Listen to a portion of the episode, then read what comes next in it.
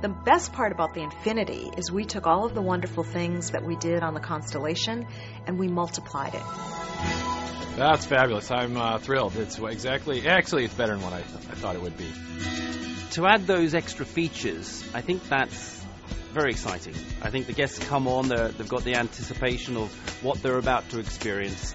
And when they see places like Blu and they see the renovated locations that they're used to from the past.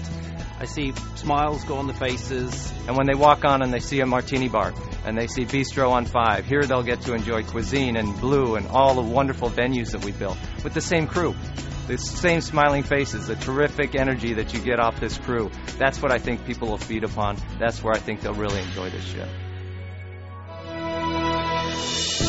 When our guests come on board, we want to offer them on one side, of course, facilities to relax.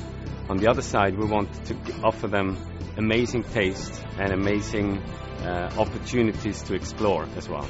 And with the new venues that we have, such as Qsine, um, such as uh, Cellar Masters, we have much more options to offer our guests Infinity will be the first ship in the fleet to launch all the new cocktail programs. We focused a little bit on skinny cocktails, which are becoming very trendy, a little bit more health oriented.